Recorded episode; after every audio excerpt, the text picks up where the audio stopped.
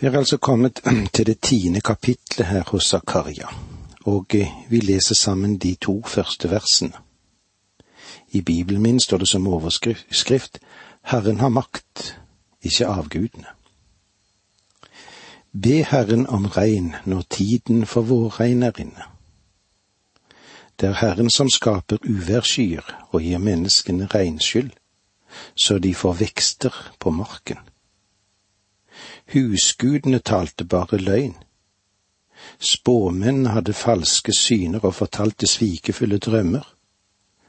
Trøsten de gav, var ingenting verd. Derfor måtte folket bryte opp og lide vondt som sauer, fordi de ikke hadde noen hyrde. Dette som vi har lest, begynner med en oppfordring til å be. Be Herren om regn. Vårregn det som òg kalles for sildingregn. Han ba om at det måtte bes om regn, og ba de om regn, og det kom regn, så ville det gi fruktbarhet og grøde. Og så er det underlig når vi ser i det andre verset, hvor det påvises at husgudene, det er et uttrykk fra gammel tid, talte usant og at det samme gjelder òg spåmennene. Og hva forteller dette oss? Jo, det forteller oss at her er det tale om frafall fra tro til overtro. En har tenkt seg at dette avsnittet er satt inn her uten at det kanskje noen har noen videre betydning enn den siste linje som kan kobles ved det følgende. Ordet skulle ha blitt gitt de i en tørkeperiode som har vært så hard for folket, at de vendte seg bort ifra Gud, og så søkte de hjelp hos avguder og spåmenn. Hvorfor er det slik? Jo, fordi de følger etter disse, og så blir de forvirret som en saueflokk som ikke har hørt det. Det er noen òg som mener at de siste linjene gir nøkkelen til forståelsen av dette avsnittet, at Gud alene gir frelse. De forvirrede sauene som er uten hyrde, er et vitnesbyrd om at de har fjernet seg fra Guds frelse. Folket har altså vendt seg til overtroen. Og det var mange former for slik tro i omløp på den tiden. Hva forteller denne profetien oss? Jo, at de må vende seg til Herren og be til Ham. Ikke om regn, men om frelsesregnet. Må be om frelse. Og dette forteller oss òg noe vi som lever i dagens situasjon. Men la oss se litt tilbake igjen i det vi har gått igjennom. I kapittel ni har vi sett hvordan den fremtidige fremgjøring både for Nordriket og Sydriket var, og hvordan Gud vil bruke det i fremtiden når de skal tjene, faktisk som prester, for hedningefolket på jorden. Det er de som tolker kapittel ti som en fortsettelse av kapittel ni. Men så er det da noen fremstående bibelfortolkere som er av den oppfatning at bare det første verset egentlig hører til i kapittel ni. Det som vi har gått igjennom, men som vi skal gå litt videre inn i. Og kanskje vi kan være tilbøyelig til å se det på denne måten også. Resten av kapittel ti står da for seg selv. Noe som jeg kanskje får vise når vi tar fatt på dette interessante kapitlet mer dypgående enn det vi hadde innledningsvis. La oss lese sammen igjen vers 1 her i kapittel 10. Be Herren om regn når tiden for vårregnet er inne. Det er Herren som skaper uværsskyer og gir menneskene regnskyld, så de får vekster på marken. Dette verset slutter seg nær til kapittel ni, som jeg sa. Det fortsetter beskrivelsen av overflodstider som vil herske under tusenårsriket der Kristus skal regjere på jorden. Det regnet som nevnes her i verset, betyr nettopp det. bokstavelig talt regn. Du skjønner at Gud har lovet Israel, som er hans eiendomsfolk, jordiske velsignelser. Kirken har ikke fått disse lovnadene om jordisk velsignelse. Kirken har fått åndelig velsignelse. Høst- og vårregn er en viktig del av Israels fruktbarhet, og ville gjort dette landet til en Edens hage. Noe av det som fremdeles antyder at Guds dom fremdeles hviler over dette folket, er at regnet holdes tilbake. Det er ikke for mye å si at Israels største problem, ved siden av problemet med araberne, det er vannproblemet. Hvordan skal en få tak i mer vann? Det er interessant å merke seg at dette problemet for Israel ikke bare henger sammen med de klimatiske skiftninger, men med deres forhold til Gud, så er det jo litt annerledes. Noe av den fysiske velsignelse som vil komme over dem når de vender seg til Herren som et folk, er regn. Selv om vårregnet som kommer i mars og april viser tegn på bedring, er det langt fra så mye som dette landet egentlig trenger. Men under tusenårsriket vil Gud sende dem regn så det skal være nok for bufe og andre dyr. Det skal være nok regn for urter og grønnsaker og trær. Tolkningen av dette verset angår fysisk regn. Men regn, det er også et symbol på åndelig friskhet. Og slik blir det også brukt flere steder i Bibelen. For eksempel så antyder Joel dette. Det som fysisk regn bevirker for jorden, vil åndelig regn, utgytelse av Guds ånd, bety mye for det åndelige livet for dette folket. Men både profetien i Joelboken og profetien i Zakaria, de har en klar henvisning til tusenårsriket i fremtiden. For eh, på den tiden skal løftet om Guds ånds utgytelse få sin fullstendige fullbyrdelse. Derfor har talen om regn en tosidig betydning. Når vi så kommer til vers to, vender profeten tilbake til det temaet som er om dom, selv om Gud har til hensikt å styrke dem for de siste dager, og han har til hensikt å føre dem inn i sitt tusenårsrike. Så er det visse forhold som er radikalt feil i deres midte og her setter han sin finger på det som var galt i Israel. Det som virkelig var grunn til problemer i folket, var avgudsdyrkelsen. I vers ti leser vi slik, husgudene talte bare løgn. Spåmennene hadde falske syner og fortalte svikefulle drømmer. Trøsten de gav, var ingenting verd Derfor måtte folket bryte opp og lide vondt som sauer, fordi de ikke hadde noen hyrde. Husgudene talte bare løgn. Ordet for husgud er faktisk terafim, og eh, disse husgudene omtales flere steder i Bibelen. Da Jakob forlot sin onkel Laban hadde han med seg sine to hustruer, Lea og Rakel. Da fortelles det at Rakel tok med seg en terrafin fra Labans hjem og skjulte den. Det er nemlig slik å forstå at de som hadde husgudene, hadde lederskap i familien. Da Rakel stjal husguden, så fikk hun dermed retten til sin fars eiendom og derfor var dette tyveriet en svært så alvorlig sak. Det forklarer òg hvorfor Laban var så vred. Han ønsket sannelig ikke at Jakob skulle overta hans eiendommer. Han følte at Jakob allerede hadde fått mer enn det han skulle ha hatt. Har du en terrafin hjemme hos deg? Med disse ordene sier vi takk for nå, må Gud være med deg. Dette undervisningsprogrammet består av to deler. Åge Nevland fortsetter nå med andre del av dagens undervisning. Vi er i profeten Zakaria. Vi er i starten av kapittel ti og vi vil se hvordan Juda og Israel skal adspredes, og de skal samles igjen.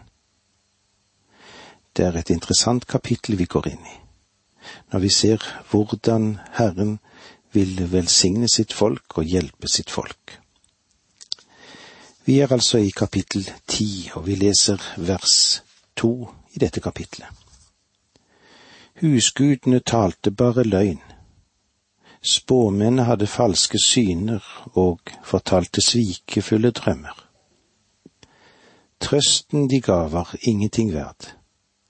Derfor måtte folket bryte opp og lide vondt som sauer, fordi de ikke hadde noen hyrde. Her ser vi hvordan det forførende medium omtales, spåmenns virksomhet. Og det står at spåmennene de hadde falske syner. Spåmannens virksomhet, den er okkult. En hedensk imitasjon av Bibelens profetier. Djevelen har alltid imitert det bibelske. Han har aldri holdt seg så langt borte fra Bibelen. Det er djevelens metode for å forføre det. Det hebraiske ordet for spådom betyr å skjære eller dele. Det hadde å gjøre med at en tok et offerdyr, skade opp og så på innvollene. Særlig gjaldt det formen på leveren og måten den lå på. Leveren ble sett på som sete for offerets liv for formen på dette organet skulle derfor si noe om fremtiden. Og vi har en henvisning til dette i Esekiel 21. Ved veiskillet, der de to veiene begynner, har babylonerkongen stilt seg opp for å ta varsler.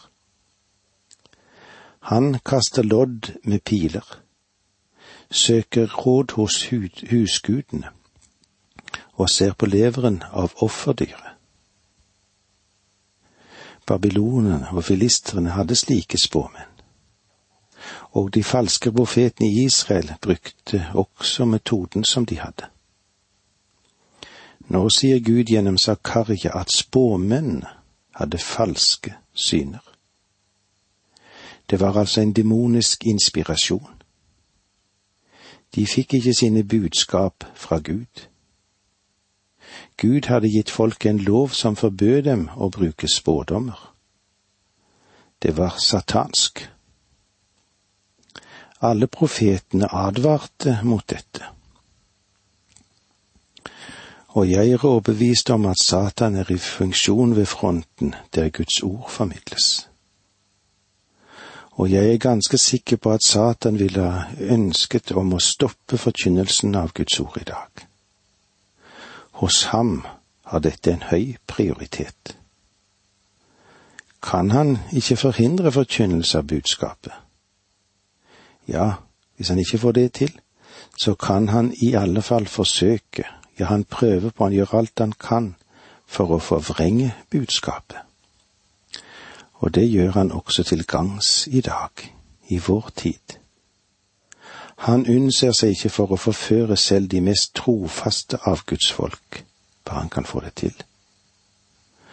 Og det er en av grunnene til at vi sannelig trenger Guds bevarende makt i denne tid som vi lever i nå. Og vi trenger å ha vårt øye fast festet på Jesus Kristus. Holder vi oss nær til ham, skal den onde fly fra oss. Da Israel vendte ryggen til Guds budbærere og til Guds budskap, da sviktet de sin lydighet mot Gud. Og som et resultat av dette så vendte de seg til alle slags sataniske forførelser. Og Gud sier altså da til dem gjennom denne profeten som vi nå er innom, Zakaria. Spåmennene hadde falske syner og fortalte svikefulle drømmer. Trøsten de gav var ingenting verd. Derfor måtte folket bryte opp og lide ondt som sauer, fordi de ikke hadde noen hyrde. Israel hadde ikke lenger noen sann leder. Du og jeg, vi lever i en tid der de demoniske krefter også markerer seg. Og sannelig så trenges det i vår tid at vi prøver åndene og apostelen Johannes, han advarte jo med dette, som det står i Johannes, i første Johannes 4,1. Mine elskede, tro ikke enhver ånd, men prøv åndene om de er av Gud, for mange falske profeter har gått ut i verden. Det vi trenger, mer enn noe annet, i alle fall på det åndelige felt i vårt land, det er sanne hyrder. De som vi vil gi fårene eller sauene næring ved Guds sanne ord. Zakaria 10,3 Mot hyrdene flammer min vrede, og bukkene vil jeg kreve til regnskap. Men Herren, allers Gud, vil se til Judaetten, som er hans flokk. Han gjør den til sin stolte stridshest. Mot hyrdene flammer min vrede. Disse hyrdene var falske profeter i Israel. De hadde vendt seg til det okkulte. De hadde vendt seg til det overnaturlige som Satan lot gro fram og bukkene vil jeg kreve til regnskap. Gud kaller lederne i Israel for bukker, bukkene. De skulle ha ledet sitt folk inn i Guds ord, til det punkt der de kunne ha fred med Gud og fred i sitt hjerte. I stedet var de, det de falske profeter som ga de falsk trøst og disse førte de faktisk bort ifra Gud. Og hva sier Gud da? Jo, da sier Gud at han er vred på dem. Men Herren allers Gud vil se til Gudætten som er hans flokk. Han gjør den til sin stolte stridshest. Her ser du at Gud har til hensikt å styrke dem mot deres fiender. Fiendene, de er sterke, men Herren er sterkere. Så løfter han blikket da og ser langt fremover når Messias vil komme. Og jeg tror at han er klart identifisert i det neste verset, altså vers fire. Fra den skal hjørnesteinen og teltplugg komme. Fra den skal stridsbue komme fra den skal hver hersker utgå. Fra den? Fra hvem? Jo, fra den som kommer gjennom judaætten i fremtiden. Det betyr at han skal være hjørnesteinen. Hjørnesteinen blir plassert i bygningskomplekset der to vegger møtes i 90 graders vinkel. Den firkantede hjørnesteinen passes inn der. Hva er dette? Jo, det er et veldig bilde på Jesus Kristus som hjørnestein. For, skjønner du, her møtes Judas mur til de ti stammenes mur. Budskapet er at Kristus skal være hjørnesteinen som skal forene dem og føre dem sammen for all tid. Men hjørnesteinene har en videre betydning enn dette. Det fører oss til et annet vidunderlig bilde. Legg merke til hva Jesaja har skrevet om dette. i det 28. kapittel vers 16.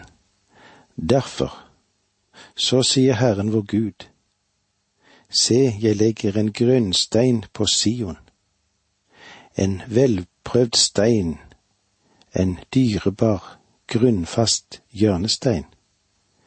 Den som tror, har ingen hast.